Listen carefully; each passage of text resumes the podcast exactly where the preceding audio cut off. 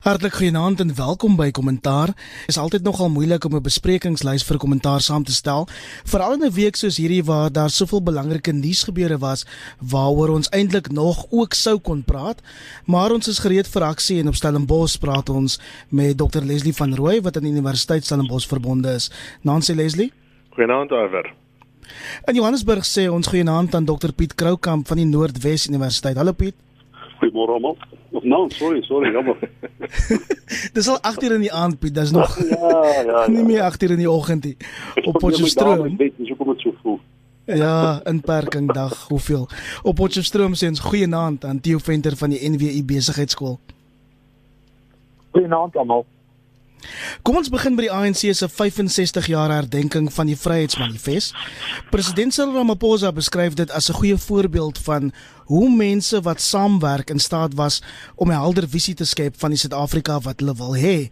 En Leslie het benadruk dat die land behoort aan almal wat daarin woon, maar die president het weer die geleentheid gebruik om te sê dat rykdom steeds in die hande van 'n hoofsaaklik wit en manlike meerderheid bly. Dis nie 'n nuwe standpunt nie. Ek het 'n bietjie genavorsing doen en ehm um, daar is soortgelyke uitsprake van die president, jy weet, tot 10 jaar terug. Ehm um, maar dit het wel mense weer die naweek ontstel en ek moet ook vir jou sê dat dit nou omtrent die 4de agter die volgende keer is in in 2 maande dat die president dieselfde punt maak. Hoe het jy dit gelees en wat probeer hy vir ons sê? Ja, die president praat, praat natuurlik as 'n besonderse ryk persoon. Ek dink nie 'n mens moet dit vergeet nie. Ehm um, ek moet sê dit is 'n vreemde tyd om die Vryheidsmanifest te herdenk en ek het nogal lank gedink hoe 'n mens uh, die manifest hierdie week moet erken en herdenk. En ek dink 'n goeie toets is om te bepaal waar ons 65 jaar gelede was en en hulle het ons ook gehelp om dit te bepaal vroeër die week uh, en waar ons nou is. Uh, en dan is daar natuurlik vrae in die manifest oor grond, grond uh, besit, wie besit grond, nie rassigheid, demokrasie, uh, dat die land aan almal behoort. En natuurlik die vraag vir die president pertinent aangehaal het uh, die idee oor uh, wie die die die rykdom besit en hoe die rykdom aan almal behoort in die land. Ek dink daar's twee punte uh wat ek dink in ag geneem moet word. Een is natuurlik waar ons nou is en ek dink die president in die eerste plek gevra vir 'n welwillende verstaan dat ons dalk nou meer as ooit met omsien en kyk en deel uh en bepaal hoe Suid-Afrika saam vorentoe vat. En dan aan die ander kant is hy 'n bietjie van hoek. Die aard van die manifest is, is baie spesifiek. 65 jaar gelede uh ook teen apartheid wit heersing en so en dan is ons natuurlik aan 'n lyk dit vir my 'n bietjie skuif uh internasionaal wat ook hier by ons uitspeel en dit is 'n uh, 'n verstaan van die wêreld uh waar swart identiteit en swart ontmagtiging uh histories weer in oënskyn geneem word. Uh so ek dink meneer Ramaphosa sal waarskynlik oor die komende tyd 'n uh, fyn fyn balans moet handhaaf uh tussen die realiteite van Suid-Afrika, hoe dit 65 jaar gelede was, hoe dit nou is, natuurlik die ANC se aandeel in waar ons nou is en waar ons nie nou is nie, uh na die die jare aan bewind. Uh en dan steeds mense probeer oortuig om welwillend te wees, uh te gee, te deel uh en om om te sien vir meer as osself. En dis nog 'n moeilike moeilike weegskaal uh wat uh, wat op hom wag. Maar intussen Piet draai beslis se ANC hoed en ek aanvaar dat die president elke woord wat hy sê voorafweeg en dit laat my wonder hoekom doen hy soveel moeite om elke keer hierdie punt um, te onderstreep. Ons ons praat al in verskeie kommentare hieroor in die laaste 2 maande. Hierdie toekomsrol van wit mense in Suid-Afrika. Dink jy hy het 'n spesifieke boodskap um, wat hy vir wit mense in Suid-Afrika hieroor wil oordra of of is ek nou oorsensitief? Wie iwer dis dit net eers 'n bietjie ek ek weet as ons oor hierdie gesprek praat, dis altyd mense wat sê ja, maar die ANC is daarvoor verantwoordelik en 'n ander groep mense wat sê apartheid is daarvoor verantwoordelik. En dan is daar nou 'n stryery oor wie eintlik verantwoordelik vir die ding is. Maar miskien moet mense net na die feite kyk. Die president is 100% reg in die sin dat 'n uh, geweldige groot en waar is die oorgrootste meerderheid van swart Suid-Afrikaners uh leef onder kondisies van armoede en wit Suid-Afrikaners leef onder kondisies van uh, sê net maar welvaart tot relatiewe welvaart en daar is selfs noem dit maar middelklas bestaan. En die ander belang, belangrike ding is uh, en dit is ongelukkig dit moet te doen met demografiese dividend. Die vraag is hierdie 'n welvaart wat wit Suid-Afrikaners het. Mense kan afneem dat swart Suid-Afrikaners, die swart middelklas is groter as die wit middelklas. Die swart middelklas besit waarskynlik meer bates en kapitaal op die studie bates, maar nie kapitaal is as die wit middelklas.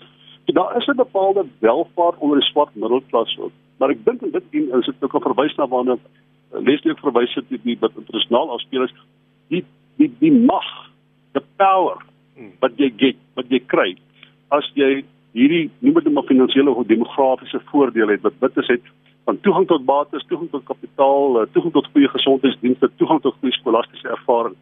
Dit dit gee vir jou onsaglike baie mag en wat dit manifesteer by ouens tussen tussen 65 en 68% van mense wat in raadsale sit van die private sektor is wit mense, wit mans. So die president is nie verkeerd nie. En ek dink daar's 'n tweede debat wat mens gevoer. Uh wie is nou verantwoordelik daarvoor? Het die ANC genoeg gedoen om swart mense te bemagtig om armoede uit te wis? Maar onthou net vir die gemiddelde swart Suid-Afrikaner, nê, wat in absolute armoede leef, wat nie werk kan kry nie. Daar's 30% van die werk kan kry en hier rondom amper 50% nou al wat in terme van die uitgebreide definisie. Vir daai mense is die vraag oor wie verantwoordelik hiervoor is, is nie heeltemal so pertinent nie. Hulle leef net onder kondisies wat totaal onhoudbaar is. En ek dink as as mens wit Suid-Afrikaners kan kry en swart Suid-Afrikaners kan kry om net te aanvaar dat dis 'n onhoudbare situasie en ons almal het 'n verpligting om iets daaraan te doen. Maar nou is hierdie stryery oor wie skuldig is en uiteindelik gebeur daar werklik niks nie. Mense is oor die laaste 9 jaar het uh, uh, Suid-Afrikaners het uh, relatief verarm en absolute armoede toegeneem uh, onder 'n groot deel van ons bevolking. Intussen stry ons oor wie is nou eintlik die een wat bevoordeel is en wie is nou skuldig hieraan. Maar die feit bestaan is dit is so. Ramaphosa is reg in een opsig en dit is dat wit Suid-Afrikaners mag waarskynlik net so ryk wees as hulle maar die die swart middelklas. Maar die mag wat wit Suid-Afrikaners kry as gevolg van daai demografiese dividend wat lê, is disproporsioneel. Die ons hoor Piet sê die president is 100% reg. Meneer Ramaphosa se direkte woorde was na 26 jaar is daar in byna elke metrieke maatstaf van menslike ontwikkeling steeds ongelykhede tussen wit en swart mense. Hoe lees jy dit? Wel, ek sou wou sê dat ons moet onthou 1955 was 'n ongelooflike goeie oesjaar. Ek is ook in daai jaar gebore. Dis nou waarvan die Vryheidsmanifest nou vandaan kom. en die die die Vryheidsmanifest onder leiding van die president het uh, beslag gekry in ons 96 grondwet. Dis daar ingebou. Hy was hy was argitek daarvan tot 'n groot mate.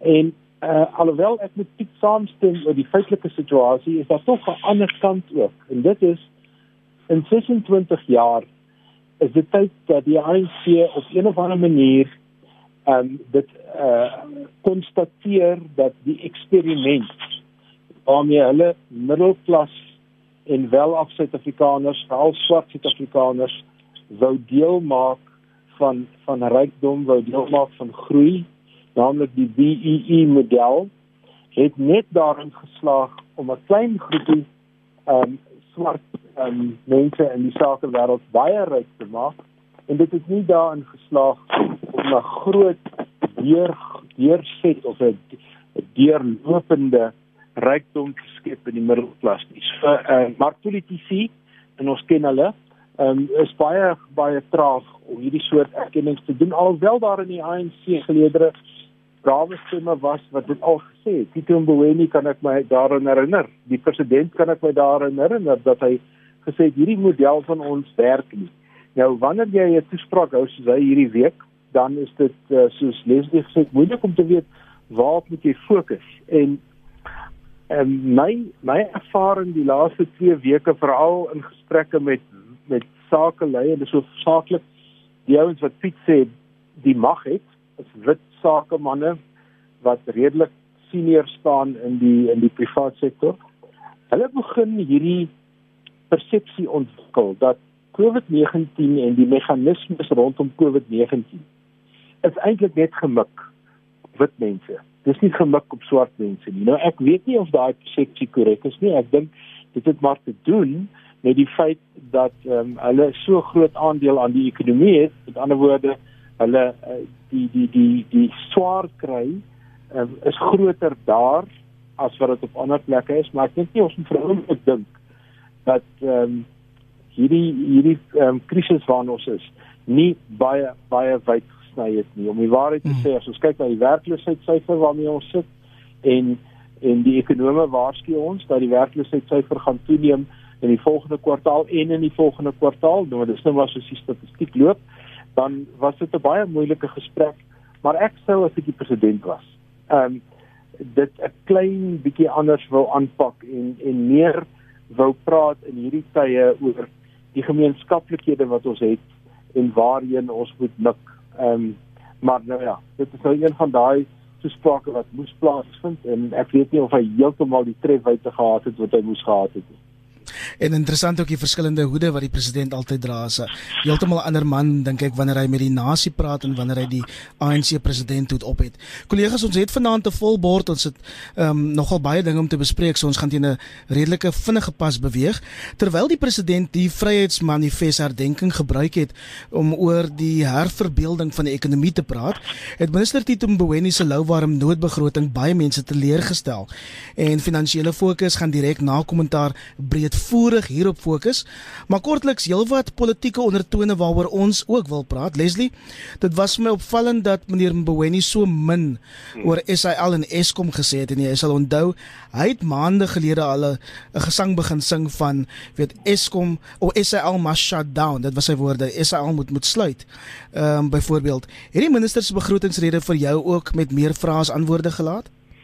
Ja, ek is heeltemal seker wat ons verwag het. Die een ding moet ek sê, ek ek ek ek raak al hoe meer sensitief vir uitsprake op Twitter en sosiale media van ministers en oud premiers uh, wat wat uh, hulle verkondig as 'n uh, as amper 'n ewige waarheid wil wat hulle in, in ander hoedanighede en platforms uh kommunikeer nie heeltemal dieselfde is. Nou meneer Mweni se geval is 'n allerlei gissings dat die parlement uh jy weet ander verstaan het en dat hy uh, he must toe the line et cetera jy weet en, en dit mag dalk 'n rol speel. Ek is heeltemal seker wat mense verwag het. Dis 'n noodbegroting. Dis die weet een van die min kere wat Suid-Afrika noodbegroting het. Hy, hy het een ding gedoen wat ons almal verwag het en dis om te sê ons is in diep diep moeilikheid. Uh, hier kom moeilike dae voor en eintlik moet ons wag vir die mediumtermynbegroting om te weet wat die implikasies is vir al op staatsbesteding. En natuurlik moet die departemente nou hulle ding begin doen. Ons weet byvoorbeeld in my en Theo se sektor uh dat ons moet besnoei. Ons weet hier kom uh, besnoeiings uh in die hoër onderwys sektor waarvoor ons ja, voorsiening moet maak. So ek ek ek is nie heeltemal seker of ons dit in in woord en klank uitgeklaar nou al het nie. Juist omdat ons nog nie heeltemal seker is wat die implikasies is van die krisis nie. Maar een ding is verseker, ons is in die moeilikheid. Nou uh, die die die nie die teenkant nie, maar 'n soort versagting daarvoor is, is ons is beslis nie al land nie moeilik, die hele wêreld is in die moeilikheid. Natuurlik is daar aksentverskille in Suid-Afrika gegee uh ons ekonomiese rykwyte, uh, ons GDP ensovoorts. Uh, maar ons is in die moeilikheid en ons sal moet as 'n wêreld ehm um, ekonomie, groter wêreldekonomie leer om binne die volgende periode anders te dink uh oor befondsing en ons sal moet besnoei en ek is seker ons sal daai besuinigings uh, binne die volgende weke maande sien uh, en beslis dan in Oktober wanneer ons weer praat oor begroting. By die minister het definitief ons gesê soos in die moeilikheid maar het min detail gegee oor die salarisrekening van die staat. Ons weet byvoorbeeld glad nie hoe die noodbegroting dit sal raak nie. Het hierdie regering nie te duur vir Suid-Afrika geword nie want taal het duidelik baie maar jare voorbied. Ja, die, die regering ons ons ons het konsensus. Daar's niemand wat vol strei met jou sê die regering het te duur geword nie, maar net vir die salarisberekening betref, ek dink Tito Mboweni het op sy manier het hy sy belofte gehou van dit toe die begroting gelees het vroeër verjaar. Uh die staatsdiens het nie verhogings gekry nie. Uh ek weet daar sal waarskynlik nou 'n hofsaak wees, maar ek het so ek ek ek sal nie verstom wees as as die as die vakbonde hierdie hofsaak verloor nie. Die staat het eenvoudig nie nie die geld nie is 'n tipe van ons wat interpretasie genoem bevolks meer. Nou daar is nie die geld is so dit maar net by daai deel van sy van sy, sy ooreenkoms vir die ander ding wat ek dink is my was die vraag altyd hoekom praat jy nie oor SAL nie? Hoekom sê net oor Eskom nie? Hoekom het jy niks gesê oor die die openbare beleggingskoöperasie en die waarskynlike pensioene kan gebruik word om uh, Eskom uit te byl of om uh, uh, sien maar infrastruktuurontwikkeling te doen nie? En hy het onder, en ek dink dit was 'n vraag tyd as ek dit nie verkeerd het nie het hy onder andere gesê dat hulle met baie intense en baie gekompliseerde gesprekke met internasionale monetaire fonds is oor 'n 7 uh, biljoen of miljard tussen Afrikaans sê uh, uh, dollar uh lening. Uh nou verseker dink ek die laaste ding wat jy moet doen is as jy 'n lening wil aangaan by die internasionale monetaire fonds is om te praat in jou begroting oor groter besteding. Jy kan sê ek skuif geld rond, maar jy kan nie sê ek gaan vir SAL uitbou met nog, nog 10 en 15 miljoen want jou skap jy sê jy is om 'n verlening te beding en jy is besig om jou besteding te vergroot. Dit werk nie die EMS doen jy se staatsbesteding moet ingeperk word. So ek dink as 'n mens net bietjie kyk 'n bietjie kyk na die groter prentjie wat in die agtergrond gebeur het, dan begin mens besef dat sien jy die met die grond die toespraak van Boweni dalk 'n bietjie meer in konteks.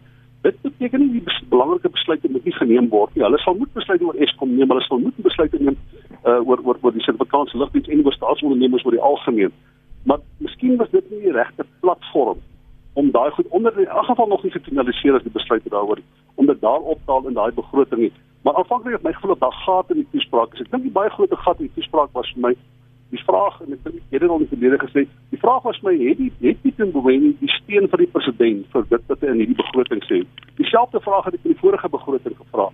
En ek dink nie mense kan dit noodwendig met klarigheid sê nie, want die president se werkswyse is dat Tito Mboweni as 'n bare die die die, die kabinet, die uitvoerende gesag, hy moet hulle oortuig van die wyse waarop hy geld wil spandeer. En as hy strukturele veranderinge wil aanbring, moet hy die kabinet oortuig. Die president verlaat hom daarop dat Tito Mboweni self die kabinet oortuig. Hy moet self die drie party alliansie oortuig en waarskynlik sluit eintlik self die kokes van die ANC moet moet oortuig daarvan.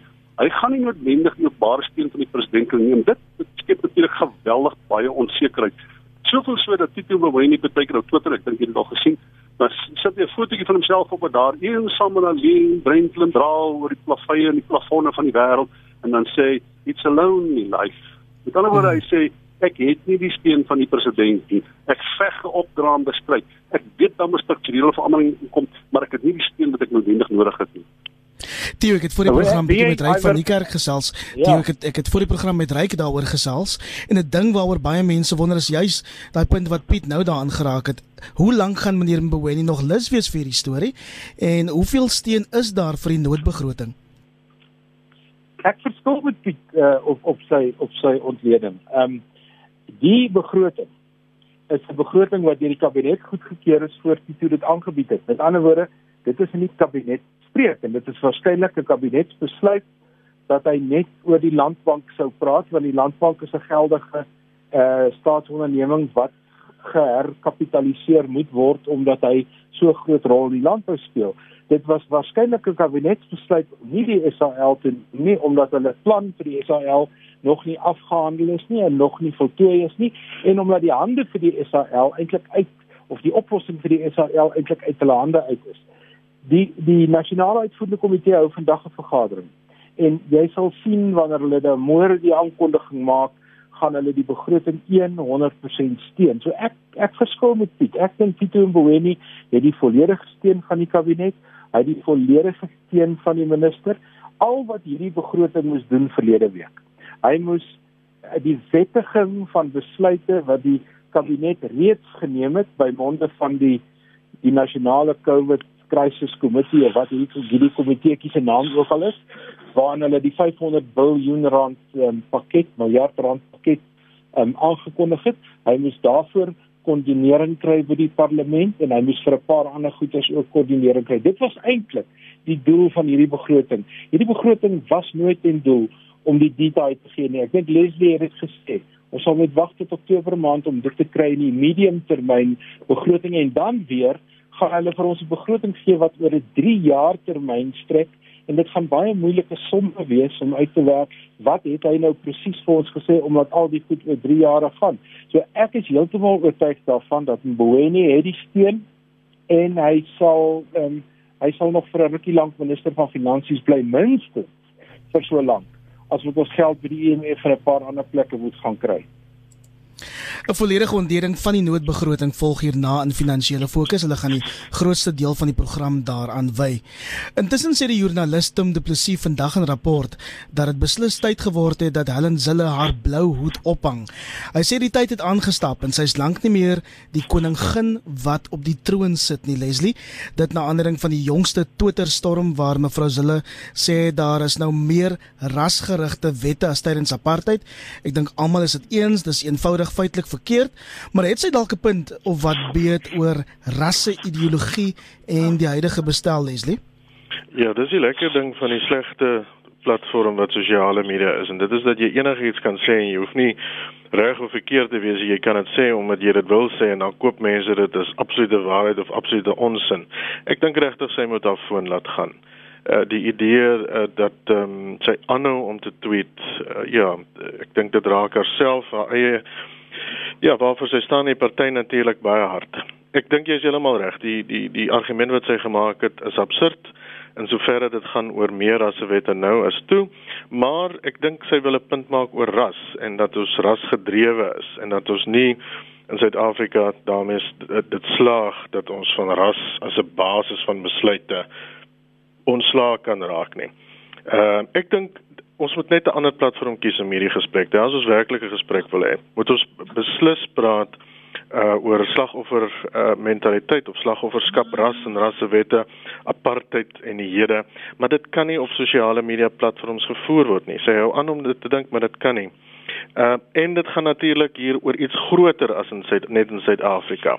Uh ek het vinnig vroeër daarna verwys. Ek dink daar is 'n pendulum swaai in die wêreld aan die gang uh wat ons sien uitspeel in Amerika en veral Wes-Europa. Is daar die pendulum swaai? En ek dink uh mevrou Zilla probeer sê ek gaan aan die ander kant van daai pendulum wees. Nou as jy twee extreme in die mees emotiewe periode saamvoeg, uh, kan jy baie min goed daar uitkry en ongelukkig uh, is dit uh, wat hier uh, uitspeel uh, en is dit eintlik maar 'n vermorseling van die moontlikheid van debat. By die ander punt is ehm um, wat 'n mens moet maak is dat mevrou Zille hierdie uitsprake maak in 'n in 'n diaodanigheid, né? Nee? Sy sy bekleed daar 'n baie spesifieke rol. Ehm um, hoe sien jy haar toekoms vorentoe? Ehm um, lyk tog of daar sprake is dat sy uitgedaag sal word uh, een van haar interne verkiesings op 'n stadium. Maar die die belangrike ding vir my is ek net kan terugkeer na jou jou vraag toe is as sy so uitspraak maak, kom ons aanvaar, sy's amper soos die sekretaris-generaal van die DA, né? Hmm. Ag ja, van die van die DA. Met ander woorde, sy is 'n belang 'n belangrike deel van die die verkiesingsbestuur byvoorbeeld van die DA. Nou daai uitspraak ja, probeer ek nou filter deur die vraag uh, watter steenbasis sien sy sal vir die DA stem as daar nou volgende jaar 'n verkiesing byvoorbeeld is. Nou verseker daai uh, manier of daai paradigma van kyk na politiek spreek tot sê net maar die die steenbasis wat verloor het met spyserynike en die wit mense wat weggelam het. Maar met dieselfde verkiesing het mense vergeet baie keer dat 250 000 mense weggelam na die Vryheidsfront het. Maar daar te groot hoeveelheid swart stede ook weggelam van die DA. Hmm. As jy daai ding sê, dit wat sy gesê het, watter van hierdie twee steenbasisse probeer jy terugkry? Probeer jy weer werf?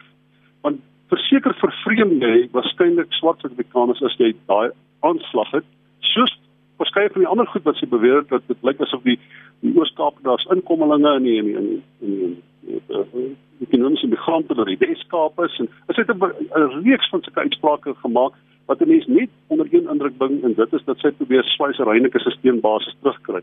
Die feit bestaan is die DA kan nie sonder swart steen in die toekoms werklike impak maak op verkiesingspolitiek nie. En ek dink nie 'n leier en ek dink John Steenhuisen probeer baie hard wegkom van daai identiteit af met die indruk laat dat hulle net een spesifieke steunbasis in Suid-Afrika uh, nodig het en voorkeur gee. Uh die sal sal op 'n of ander manier minstens uh veel uh weet 'n uh, uh, veel rassige party word indien hulle nie 'n nie rassige party kan word nie. Uh en daarvoor sal sulke uitsprake sal wet swart Suid-Afrikaners verder vervreem en ons moet alle swakker verkiesings doen en dit is juis haar taak om aan die partye identiteit te gee waarmee na verkiesing toe kan gaan en dis nie die regte manier om dit te doen nie.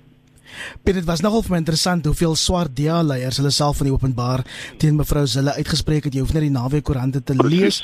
Daar's baie duidelike verkiesing um ook op pad. Hoe sien jy die DA van die toekoms met of sonder Helen Zille, die DA post COVID-19 toe?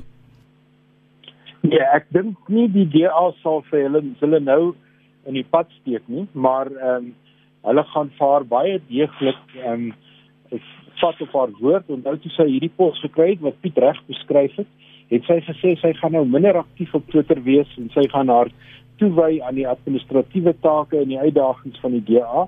Ek dink jammer om jou dan die rede te val. Jammer om jou dan die rede te val. Ek dink dit is 'n goeie punt maar ons moet ook vir mekaar sê, daar was al minstens 2 gevalle na dit. Jy weet sy het gesê, "I'll stay in my lane," jy weet en hulle het dan nog nie in die bek geruk. Ja, regtig nie. Maar dis het nou dis het nou gekom want wat sy nou doen, het dieselfde effek op Steenhuisen as wat dit op Musi Maimani gehad het. Ehm um, hoe is jy die leier van 'n party as 'n oud leier?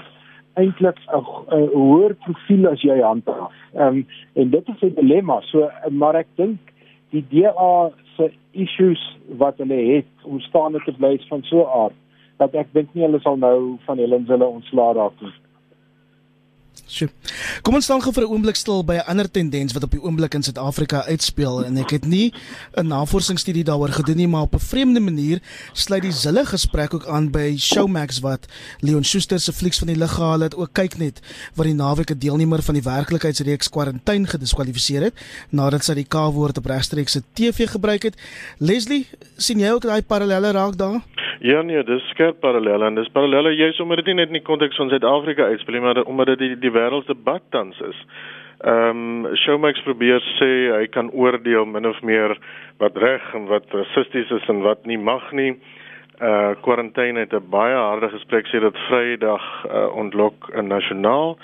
Ehm um, ek dink dit is sinvol om oor die punte te dink, maar ek dink nie dit help ons enigstens die media op 'n manier uh optree en ek verwys nou spesifiek hier na die televisiekanale op 'n manier optree wat iets stop of iets bepaal sonder dat daar nie oor geoordeel kan word nie. Ek dink dit is baie baie jammer. Ek dink dit het geweldige implikasies natuurlik vir almal van ons. Dink nou maar ook aan aan Afrikaanse romans wat wat op die geskiedenis fokus. Dink aan die geskiedenis self. Dink net hoe absurd dit sou wees dat jy vanaand sou sê jy mag nie oor ras kan dink nie. Ek praat nou nie van 'n studie oor jy weet 'n rassistiese studie nie.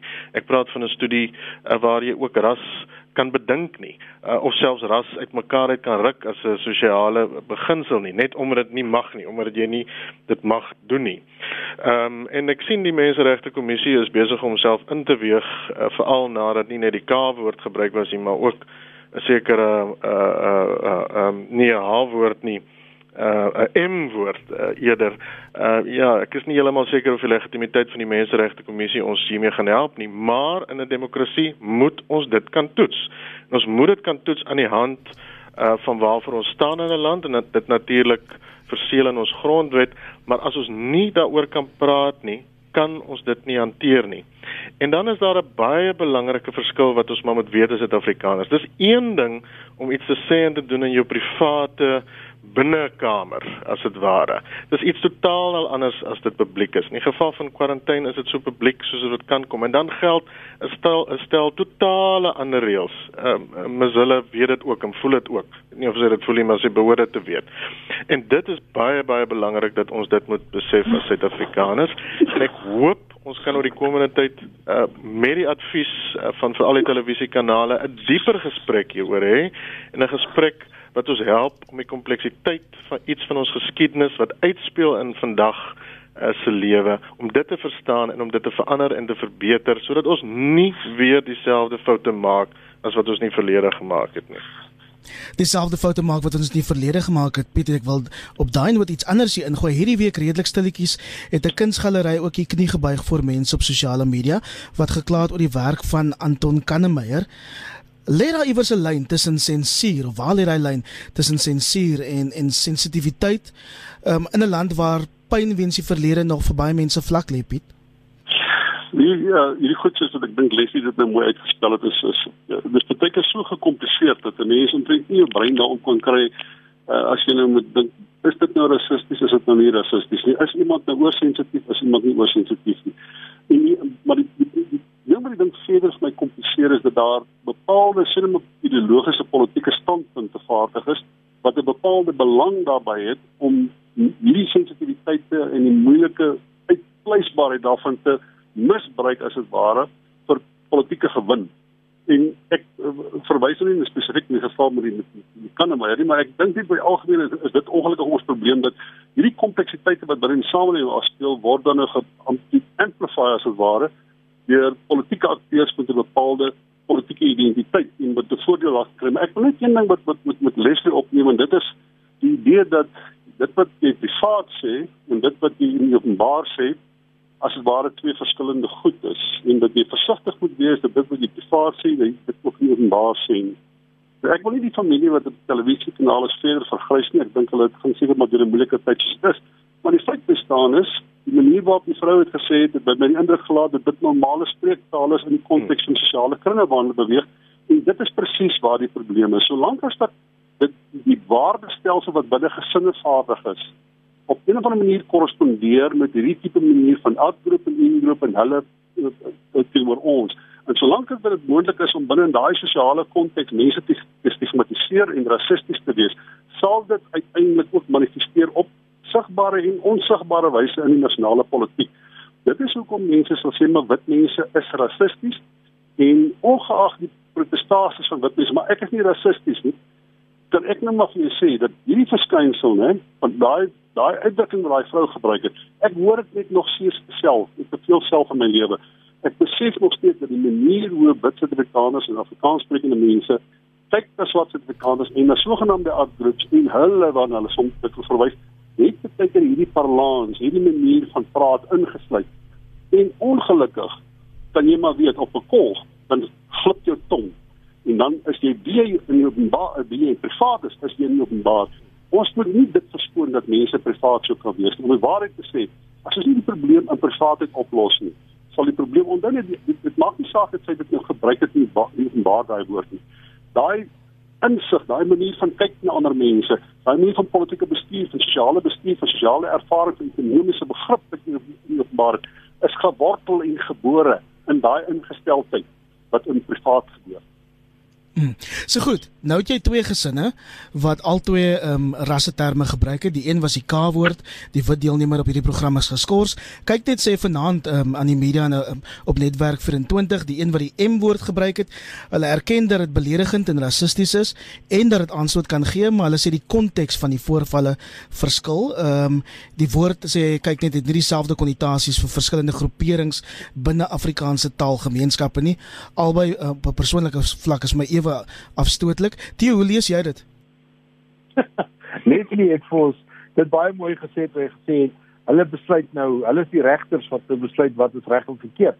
Uiteindelik gaan die luisteraars dit hoor en uiteindelik gaan die die media in die breë gaan gaan daaroor 'n oordeel vel, maar ek dink dit is 'n element daarvan aangehaal wat belangrik is en dit is as jy in 'n diverse samelewing lewe, uh, of die samelewing nou 'n rassiese voorkoms het en of dit verskillende taalgroepe is en of dit verskillende kultuurgroepe is.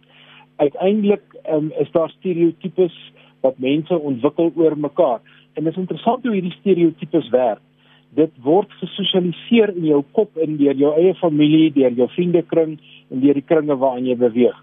Soos wat jy tot eie verstaan kom van die wêreld rondom jou, bou jy filters in om die goed uit te haal en as jy spesifiek reg sê, sit jy glippe deur. Hoeveel ouens het nie al hulle poste verloor wat telefoonoproepe afgeluister is of opgeneem is en dan in die openbaar gespeel word en dan dan sit jou turf nie.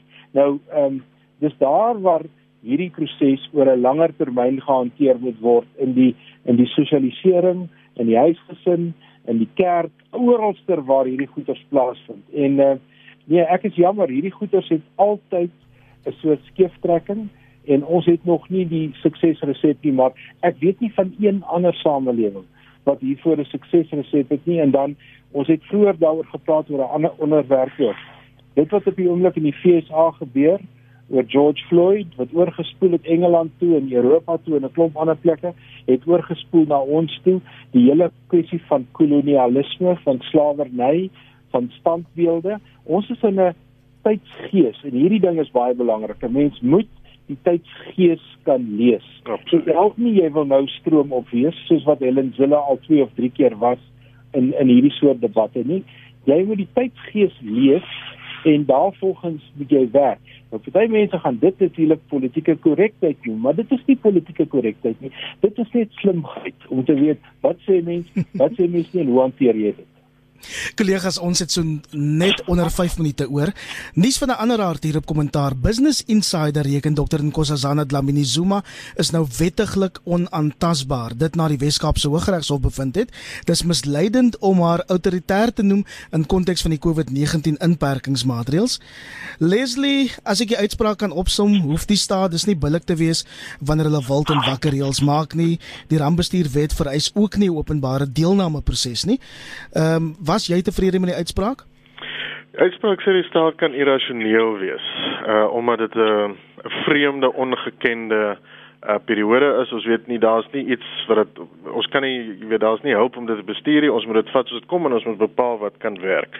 Met ander woorde, ons sit in 'n irrasionele situasie as ek die woord kan gebruik. Nou die kompleksiteit van 'n van irrasionaliteit is dat as iets irrasioneel is, dan tree jy irrasioneel op. Uh, en ek dink 'n gedeelte van wat ons sien in die staat is irrasionele optrede. Kyk nou maar uh, na taxi geweld wat ons waarskynlik hierdie week gaan sien omdat die minister nie besluit hy daar gewoon nie op nie. Waarskynlik om nie heeltemal weet wat om te doen nie of wat om te sê nie. Maar die effek van irrasionaliteit op ons is dat ons as burgers dan ook irrasioneel optree, soos wat die taxi owerheid ons waarskynlik hierdie week gaan wys en en dat ons dan in 'n staat van irrasionaliteit is waar jy nie skroom om teen die wet op te tree nie omdat dit mos nou as irrasioneel gedefinieer word. Ek dink dit is die kompleksiteit van die uitspraak en ongelukkig is dit net in die staat se hande om nou te bepaal of jy 'n uh, rasionele verstaan daarvan weer wil kweek uh of nie. En dit gaan die groot uitdaging wees oor die komende dae, ook in die skole. Maar Piet plaas die staat nie byvoorbeeld die taxi-bedryf in hierdie staat van irrasionaliteit nie. Hulle is die ja. taxi-vereniging sê minister Fikile Mbalula het vandag vir die 4de keer nie opgedaag nie. Ek sien hulle sê 'n rukkie gelede op Twitter, ehm um, as daar môre enige taxi ehm um, deur die owerhede vasgevat word, gaan hulle 189 taksies landwyd ehm um, op ons paaie laat stil staan, Piet. Ek dink die die belangrike ding hier soos om mense kan nou uh, Jakob draai loop as jy wil, maar die minister vir Kilem Belula is nie opgewasse om met die taxibedryf ja, te onderhandel nie. Daar is 'n paar manne wat 'n lang pad kom. Hulle uh, handhaaf wet en orde uh, met met met manchetes en met gewere en met uh, AK47s en langloopgewere. Jy moet jy moet jy, jy moet jou as opbaster te mekaar jy saam met hulle wil speel. Hulle kom 'n baie lank pad van ekstreme mededinging. Hulle het baie ministers al onderhandel. Baie van daai name wat daar sit, Ons sit al vir 10 en 15 en 20 jaar in daai bedryf. Ons sit ongelukkig met 'n minister wat nie naaste by opgewasse is om met hierdie harde met harde nekke te onderhandel nie. En uh, die die die net om te verwys na die irrasionaliteit. Uiteindelik moet ons nou volgende jaar is daar verkiesing en onthou soms tree regerings irrasioneel op en soms uh, tree hulle rasioneel op en uiteindelik met 'n verkiesing sal die mense besluit dat jy die vermoë gehad het en toegelaat was om irrasioneel op te tree. Jy jy was jy ons genadig of was jy ons nie genadig nie. So verkiesing gaan 'n interessante ding wees, maar Fakile Mbulula is nie opgewasse vir die taak nie. Dit is net maar net duidelik so. Dio, die laaste woord behoort aan jou. Ja, ek stem met Piet saam. Piet het 'n lang deeglike studie van die taxi-bedryf gemaak, so hy weet hy weet wat daar aangaan. Ek het gehelp om Santaku se grondwet te skryf en ehm um, Piet heeltemal reg. Hierdie is hierdie is harde baarde in die politiek van en en Fikile Mbalula se bynaam sê ook wat 'n mens van hom dink en dit is die dilemma wat ons het in hierdie in hierdie corona periode. Die president as president dink ek tree goed op en hy tree um oorredend op en wat ook al, maar die oomblik wat die proses laer daal na die ministers toe, dan val die wiele eenvoudig af. En die um die keuse om Suid-Afrika in 'n noodtoestand te sit om die rampbestuurwet te gebruik eerder as die grondwet word in hierdie dae getoets. En ek dink dit is 'n baie belangrike toets daai want Leslie is heeltemal reg. Die rampbestuurwet is geskryf vir 'n absolute noodtoestand waar daar 'n orkaan of 'n vloed is. Jy moet vinnig optree en jy moet eintlik um, sekere reëls heeltemal verontagsaam jy kan dit nie vir 94 dae doen of vir 3 maande of vir 6 maande nie. So ek dink die regering staan nog 'n konstitusionele uitdaging ook in die gesig. Hmm. Ehm um, vlei vlei ons storie op kommentaar is uit. Baie dankie. Ehm um, die jongste COVID-19 syfer van minister Willem Kizi 138134 bevestigde COVID-19 gevalle. Baie dankie dokter Leslie van Rooi, dokter Piet Kroukamp en Theo Venter dat julle ons vanaand van die jongste nuusgebeure help sin maak het. My naam is Iver Price. Groetnis tot volgende Sondag aand.